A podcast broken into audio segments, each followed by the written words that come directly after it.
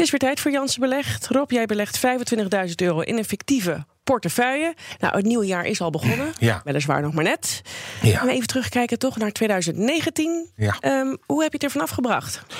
Goed, vind ik zelf. Um, nou zat er natuurlijk in de laatste twee weken van het jaar. Toen was ik er uh, zelf niet, maar uh, de beurshandelaren waren er ook uh, grotendeels niet. Althans, daar zaten nogal wat dagen bij waarin er maar een halve dag werd gehandeld en er gebeurde niet zoveel. Op 31 december was het rendement van de portefeuille iets meer dan 10 procent.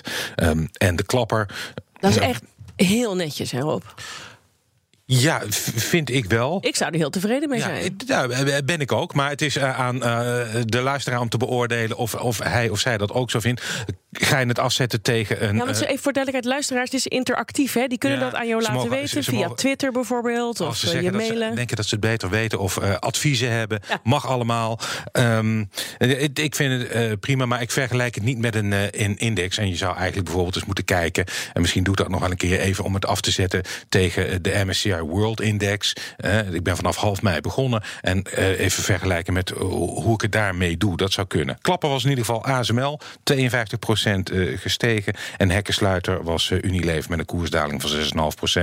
Let wel, het gaat om koersen. Het dividendrendement is nee. niet meegerekend. Nee. Hebben de geopolitieke spanningen nog gevolgen voor je portefeuille? Nou, dat valt heel erg mee. Je ziet nu bijvoorbeeld, uh, als je kijkt naar de AEX, uh, dat is natuurlijk maar één uh, onderdeel graadmeter die effect heeft op mijn portefeuille, maar uiteindelijk 0,6% lager gesloten.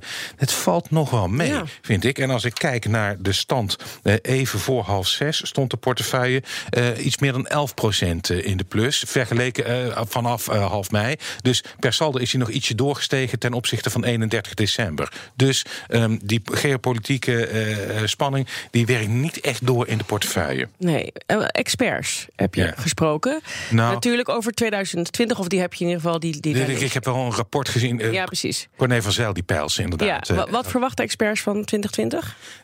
zij gaan ervan uit dat de AEX aan het eind van dit jaar op 610 punten staat. Per saldo komt hij dus eigenlijk nauwelijks van zijn plaats. Um, en dat is ook wel in lijn met wat particuliere beleggers denken. Die worden gepolst door Binkbank en die gaan uit van ook 609 of 610 punten ongeveer voor de AEX. Uh, we weten ook dat de professionals voor 2019 dachten dat uh, de AEX zou sluiten op 501 punten. Nou, dat werd beduidend meer. Dus die zaten er flink naast. Als nou zelf voorspellen kan niet verwachten. Ik denk, gezien de lage rente, eh, als de economie eh, niet eh, helemaal instort. en er zijn redenen om aan te nemen dat we misschien wel op de bodem zitten. en laag verder groeien. zou de AEX en andere beurzen misschien toch wel wat kunnen groeien nog dit jaar. Daar ga ik in ieder geval wel van uit. Dankjewel, Rob.